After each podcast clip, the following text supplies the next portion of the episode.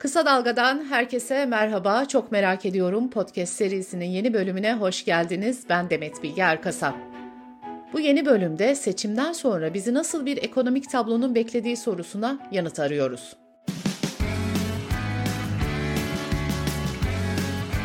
Oku, dinle, izle. Kısa Dalga. Türkiye'de uzun süredir gündemin en önemli konusu ekonomi. Gıdadan kiraya her şeyin fiyatı her gün artıyor. Sohbetlerin konusu bu. Hemen hemen herkes de aynı şeyi söylüyor. Her şey çok pahalı. Zam yağmuruna hazır olun. Zam yağmuruna. 1 Nisan'dan sonra. Bunlar hikaye. Bugün yaşadıklarımız hani para yetmiyor falan ya düşürdük mü paraları diye bakıyoruz ya. Bunlar iyi günlerimiz. Bir de önümüzde yerel seçim var. Muhalefet partilerinin temsilcileri de ekonomistler de seçimden sonra bizi tam bir tufanın beklediğini söylüyor. Hatta sizin de çevrenizden e, vardır seçim sonrası için hazırlık yapanlar var. Mesela işte bilgisayarını yenileyenler, mobilya alanlar filan. Hem şu an yaşadığımız ekonomik tabloyu hem de 1 Nisan'da bizlerin nelerin beklediğini Türkiye'nin önde gelen ekonomi gazetecilerinden Barış Soydan'la konuşuyoruz. Ee, Türkiye geçmişte de ciddi ekonomik krizlerden geçti. Kara çarşambalar işte, kara cumalar yaşandı, devalüasyon oldu. Bugün yaşadığımız krizin eskilerden bir farkı var mı? Ee, yaşadığımız bu durumu nasıl tanımlarsınız? Ekonomik kriz derken aslında e, Türkiye bir 2001 krizi benzeri bir krizin içinde değil. Çünkü Türkiye ekonomisi küçülmüyor, tam tersine büyüyor. E, büyüdüğü için de e, aslında buna bir ekonomik kriz diyemeyiz. Yani hani ekonomik durgunluk, resesyon falan da diyemeyiz. Yani bunun bir kriz olarak tanımlanma, tanımlanabilmesi için Türkiye ekonomisinin küçülmesi lazım. Ama Türkiye ekonomisi gayri safi yurt içi hasılası büyüyor. Zaten bence küçülse e, AKP seçimi kazanamazdı diye düşünüyorum.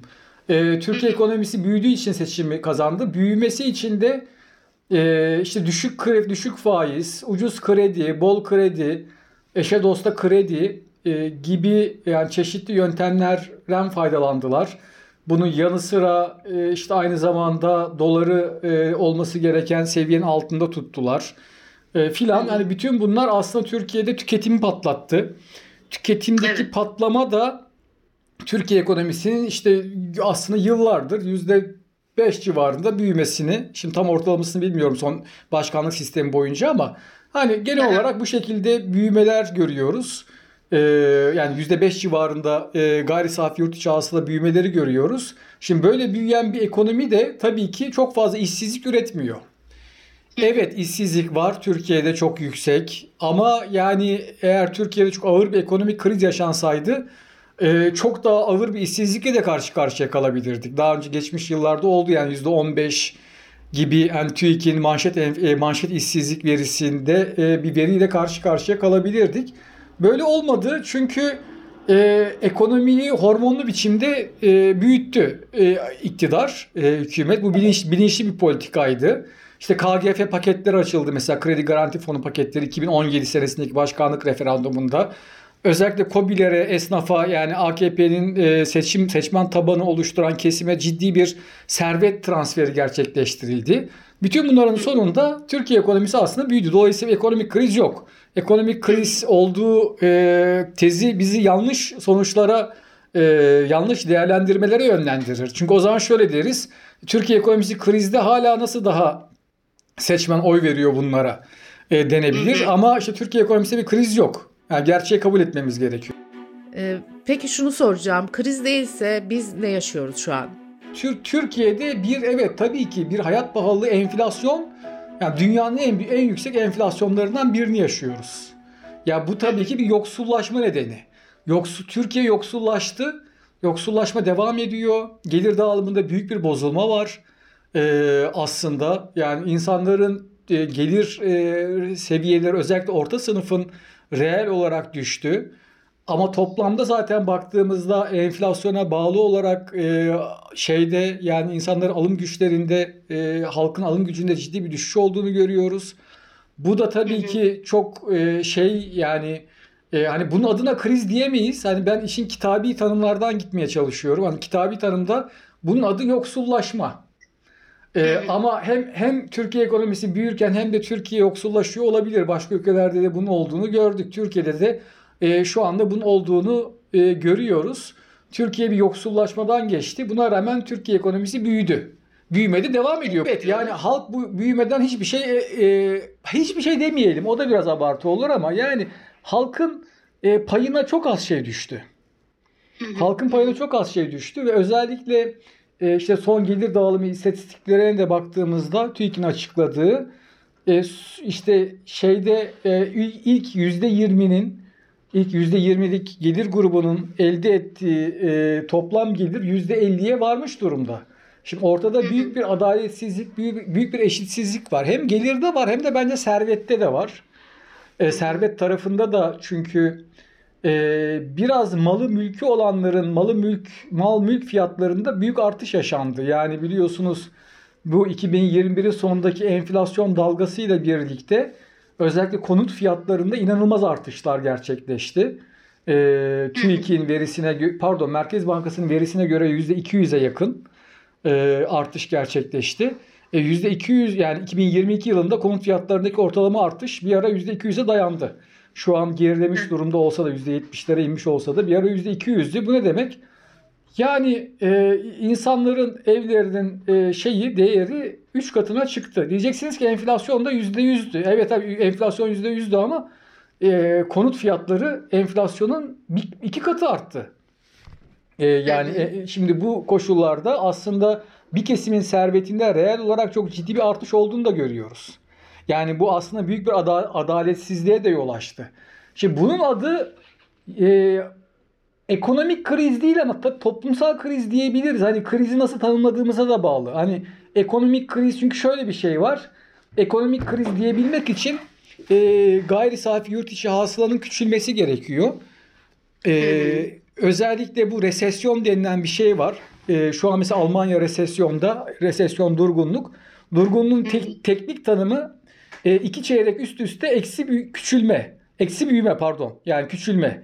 E, yani bir ekonomi iki çeyrek yani iki üç ay üst üste daralırsa artık o ekonomi durgunlukta addediliyor.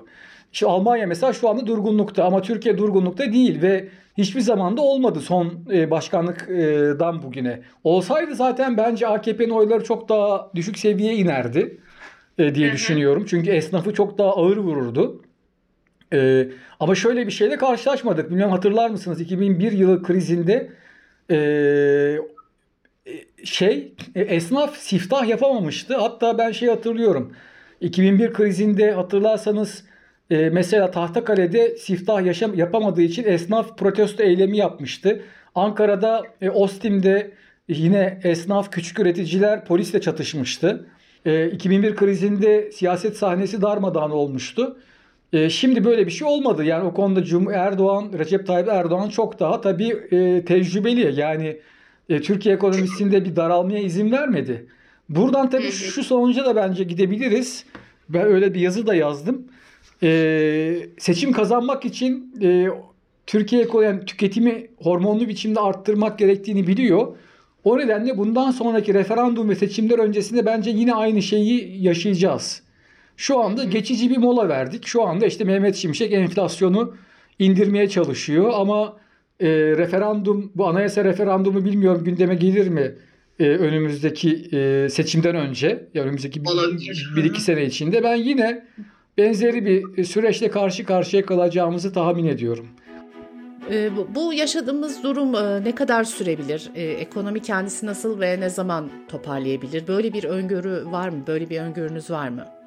Tahminimi söyleyeyim. Ee, biraz bu hani benim yaşımdan kaynaklı bir karamsarlık da olabilir. Yani Türkiye'de yaşayan insanın bir yaştan sonra sinik olmaması kaçınılmaz. Sinik derken yani hani Türkiye'de işlerin düzeleceğine olan umudunu kaybediyor insan. Mevcut siyasi yapı nedeniyle yani popülizmin çok etkili olması nedeniyle. Dolayısıyla şöyle bir ben bir e, öngörüde bulunuyorum e, kendi adıma. Diyorum ki bu, bu düzelmez. Yani geçici düzelmeler olur ama tekrar bundan sonraki seçimde mesela yani veya başkanlık işte anayasa referandumu olursa olmazsa bundan sonraki seçimde tamam 4 sene daha var ama o zaman 4 sene sonra 3 sene sonra biz yine Türkiye'de bir e, popülizm dalgasına girer Türkiye ekonomisi. Çünkü bundan önce girdi hep 2017'den bu yana baktığımızda. Yine aynısını biz yaşarız.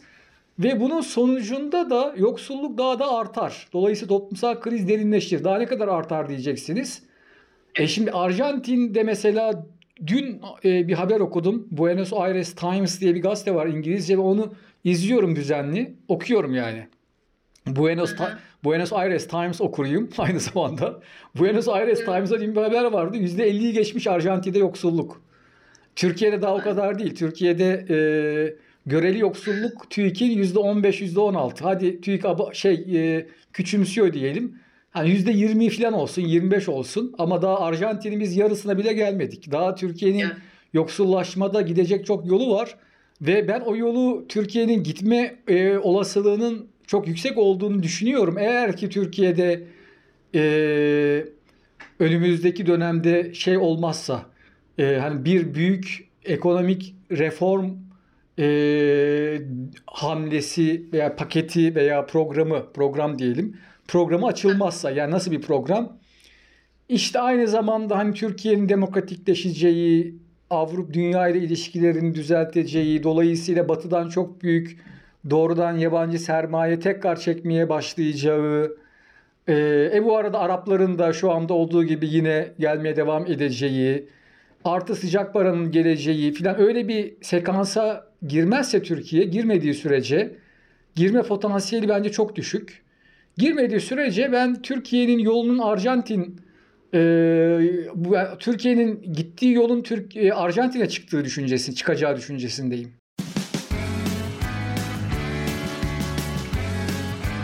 Oku, dinle, izle. Kısa Dalga. E, muhalefet sözcülerinden ekonomistlere kadar herkes yerel seçimleri işaret ederek 1 Nisan sonrası için aslında bir e, kabus senaryosu çiziyor. E, 1 Nisan'dan sonra ne olacak? Gerçekten bugünden daha kötü bir sabaha mı uyanacağız? E, onu tam kestirmek kolay değil ama e, artacağı kesin hani vergiler, işte elektriğe, doğalgaza zam gelecek. Şundan ötürü gelecek. Şimdi e, e, bütçe açığı biliyorsunuz çok yüksek. Yani geçen senenin bütçe açığı %5.4'tü. Bu sene bütçe açığı daha da büyüyecek. %6'nın üzerinde bir açık öngörü diyor. E ama bunu Mehmet Şimşek daraltmak istediğini de biliyoruz. Hatta öyle e, kulis haberleri galiba Erdal Sağlam yazdı geçtiğimiz günlerde. Yüz, veya söyledi. %6'nın yani %5'lere inmesini istiyormuş sene sonunda. E nasıl inecek bütçe açığı? Nasıl inecek? Hı hı. Yani ya e, gelirler arttırılacak ve harcamalar kısılacak. Şimdi pek harcamanın öyle kısılacak bir şeyi de yok yani. Hani e, devleti aliyemiz pek öyle şeye niyetli değil. Yani kendi harcamalarından kesinti yapmaya öyle bir şey varmış gibi bir ben bir şey görmüyorum. Yani hatta tam tersine her gün böyle yeni e, bol para harcanan yeni yeni projeler okuyorum. Ne bileyim bu sabah mesela sizden önce Türkiye'nin yeni uçak gemisi yapılacakmış. İlk defa okudum bugün. Uçak gemisi yapılacakmış. İkinci yani bir tane var işte bu helikopterlerin indi Anadolu. Bir tane daha yapılacakmış meğer. Ya uçak gemisi dediğiniz şey birkaç milyar dolar en azından. Yani şimdi hani demiyorum ki Türkiye'nin uçak gemisi olmasın. İtalya'nın, İspanya'nın var. Tamam e, anlıyorum eyvallah da. Yani enflasyonun da mücadelenin tam yani en sıcak döneminde mi hani bu kadar böyle hani büyük projeler hani daha önce yapsaydınız ya da biraz bekleseniz olmaz mı yani hani şimdi diye düşünüyorum. Demek ki bunu, bunu şu- şunu çıkartıyorum ben. Devletimizin hiç öyle niyeti yok. E o zaman bir yerden de para bulmak zorunda. Nereden bulacak? İşte bizden bulacak. Hani vatandaş yine pamuk eller cebe. Yani doğalgaz, elektriğe biraz sübvansiyon var biliyorsunuz. Devlet karşılıyor. O sübvansiyonları azaltacak. Yani ve ki öylece bütçe açığını azaltacak. Bütçe açığını azaltmazsa enflasyonu düşüremez. E, Mehmet Şimşek de ama enflasyonu düşürme konusunda çok iddialı. Yani en azından bir seviyeye indirme konusunda ısrarlı. Başka çaresi bence yok. O yüzden kaçınılmaz. Doğalgaz ve elektriğe zam. E, Evet elektrik doğalgaz zamları kesin ama mesela işte şimdiden bilgisayar alan mobilya alanlar var. Yani seçimden sonraki büyük zam dalgasına hazırlananlar var diyelim. E, bu- buradan yola çıkarak da sormak istiyorum. Vatandaşlar bu yeni durumu nasıl karşılamalı? Kendisini nasıl hazırlamalı? Tabii çok doğru aslında Do- doğru söylüyorsunuz. Ya şöyle doğru. Ee, orada şöyle ikiye ayıralım bunu. Yani bir aslında Merkez Bankası'nın resmi öngörüsüne göre doğru değil. Çünkü o dedi ki işte e, önce bir yüksek patikada gideceğiz sonra yazdan itibaren %1,5'a aylık enflasyon düşecek. Yaza kadar da %2,5'a yani baharın e, bahardan itibaren gerileyecek aylık enflasyon. TÜİK'inki. Evet. Eğer öyle olursa o sizin dediğiniz enflasyon da zam dalgası olmayacak. Ama ben de şöyle düşünüyorum. Ya doğalgaza, elektriğe bu zamlar gelince o bir kere fiyatlara yansıyacak. İki bu arada e, halk yani şeyde bu yani fiyatlama davranışları da çok bozulmuş durumda. O da yine zamların sürmesine yol açacak. E, o nedenle bence e, ciddi bir şey alacak olan bir insanın yani bilgisayar gibi yani dayanıklı tüketim eşyası alacak olanların beklemeden zam gelmeden almasına fayda var bence. Doğru yani. Bence bir kere kredi kartı borçlarını eğer mümkünse kapatmak gerekiyor. Ee, alacağı olanların evet alması gerekiyor çünkü kredi kartına taksit sınırlaması falan getirilecek. Böyle taksitle bir şey almak isteyenler sakın kaçırmasın. Ee, onun dışında e, ama diğer yandan mesela konut ve otomobil fiyatlarının enflasyonun gerisinde kalacağını düşünüyorum. O yüzden otomobil alma niyeti olanlar biraz beklemesi de fayda var. Ee, konut almak hani bu dönemde tabii ki cesaret ister ama hani hani köşede e, hani her nasılsa o kadar parası olanların da biraz daha beklemesi lazım. Bunu da şundan ötürü söylüyorum çünkü çok yüksek bir faiz politikası izlenecek. izleniyor şu anda daha da arttırma olasılığından bahsetti Merkez Bankası Başkanı. Kulislerde de hani yine Erdal Sağlam hani güvenilir bir Ankara gazetecisi. O da hani seçimden sonra bir arttırım daha yapmak için Mehmet Şimşek'in Erdoğan'dan izin isteyeceğini ve alma konusunda umutlu olduğunu söylüyordu. E faiz daha da arttırılırsa e, konut kredisi faizleri, otomobil kredi, taşıt fa- faizleri artırılacak. Daha da artacak. E bu ne demek? E, kredi kullanımı daha da azalacak. Kredi kullanımı azalınca daha da talep düşecek. Talep düşünce e, fiyatlara zam yapamayacak. E, hem konut sahipleri hem otomobil tarafında e, şeyler, şirketler ve şeyler, ikinci el tarafı. E, o dolayısıyla enflasyon karşısında gerileyecek. Yani nominal olarak düşmeyecek fiyatlar. Yani konut fiyatları düşmez. Ama enflasyondan daha az artar. Şimdiden zaten başladı bu. Yani bu ara, şeyde son açıklanan veriye göre enflasyonun altında artmış konut fiyatları. Dolayısıyla ben olsam yani beklemek lazım konut ve otomobil tarafında. Ama işte bilgisayar alacak olan, telefon alacak olan mesela hani hiç seçim sonrası bu çünkü taksit yasağı getirecekler. Gerçi cep telefonunda zaten e, o e, var zaten de yani hani işte taksitle mesela bir şey alacak olan, mobilya alacak olan misal e, şimdi hemen almasında büyük fayda var. Ee, bir de 17.002 lira alan asgari ücretlerin durumu var. İkinci bir zam olmayacağı söyleniyor. Ee, bu konuştuğumuz tabloda alt gelir düzeyinde yaşayanlar e, ne yapacak? Şimdi orada benim tahminim ben orada bir e, Sözcü TV yayınına katılmıştım. Orada demiştim ki bence e, bu bu sene ikinci zam olmayacak hikayesi bence mümkün değil. Olacak. Ama bu bir tıp, tıp benimki yine bir tahmin. Şöyle bir tahmin. Yani işte böyle hani 50 yaşını aşmış bir insanın tahmini. Hani ben biliyorum ki Türkiye'de eee, çalışan kesim ürkektir ama eee, şey gibi de değil. Yani sokağa çıkar. Yani hani bıçak kemiğe dayandığında sokağa çıkar. Sokağa çıkması da şey olmaz yani. Böyle hani yakıp yıkma biçiminde değil. Yani grev olur, iş yavaşlatma eylemi olur. Ee, işte bu fabrikada protesto eylemleri olur. Özellikle örgütlü yerlerde. Ee, bunların ben enflasyondaki artış sebebiyle yazdan itibaren tekrar gündeme geleceğini, sendikaların çok sesini çıkacağını ve hele ki eğer Cumhurbaşkanı'nın bir referandum gündemi varsa çünkü daha dün dedi ki işte bu yüksek mahkemeler arasındaki ihtilafı çözmek zorundayız dedi. Ben oradan çıkart şunu çıkartıyorum. Yani bu referandum da çok gecikmeyecek. O yüzden ben diyorum ki şey e, bu şey gündemde yani e, bu ikinci bir zam olacak bu asgari ücrete. Yani her şey Mehmet Şimşek ve Merkez Bankası'nın elinde değil. Türkiye'nin kendi gerçekleri var. Ve ayrıca bu gerçekler de böyle hani boş gerçekler değil. Yani bütün bunları şey için söylüyorum. Başka artık maaşlara zam yapılmaması lazım diyen ekonomistler, iktisatçılar var. Piyasa ek- ekonomistleri. E, başka türlü enflasyon düşmez diyorlar. E tamam doğru. Enflasyon düşmez. E ne yapsın insanlar? Yani e, taş mı yesinler? Yani e, enflasyon düşmez. Böyle hani rakamlara bakmak fil dişi kuleden çok kolay tabii. Enflasyona mücadele için artık başka zam olmasın. E tamam olmasa da ne yapsın milyonlarca insan? Hani sen %10 gelir grubuna girmişsin, kendini kurtarmışsın da. Yani hani 17 bin liraya çalışanlar ne yapsın gerçekten ya? Yani, yani sene sonunda şimdi enflasyon Ocak'ta geldi %7. Bir aylık enflasyon. Bu hesapta var mıydı? Yoktu. Ee, Şubat'ta gelecek %6. Üstelik bir de bunlar resmi enflasyon. Gerçek enflasyonlar çok daha yüksek. En açıkladığı enflasyon %9.38 Ocak, Ocak ayında. E şimdi ne yapsın insanlar ya? Yani bir ayda %10'u gitmiş ya aldığı zammın, asgari ücret zammının. Sen ne hangi hakla ya o insana şey diyebiliyorsun? Enflasyonla mücadele ediyoruz. Kardeşim sabret, sık dişini. E sen sıkıyor musun dişini? Ya sen o zaman yani o zaman sen de vergi ver. Ya ben böyle hani bu, bu tip konularda biraz şey yapıyorum. Ee, Yani biraz hani haksızlık ve hani biraz izansızlık, izansızlık diyeyim buna. Bunun tam Türkçesi izan, izan yoksunluğu. Yani hani yani iza hani bu burada böyle hani asgari ücretli sırtından enflasyona mücadele etmek biraz izansızlık yani. İzan, izan yani empati yokluğu yani bu. Bunun ismi empati yokluğu evet. diye düşünüyorum. Evet Sayın Barış Soydan'a çok teşekkür ediyorum. Haftaya merak ettiğimiz yeni bir konuyla görüşmek üzere. Hoşçakalın.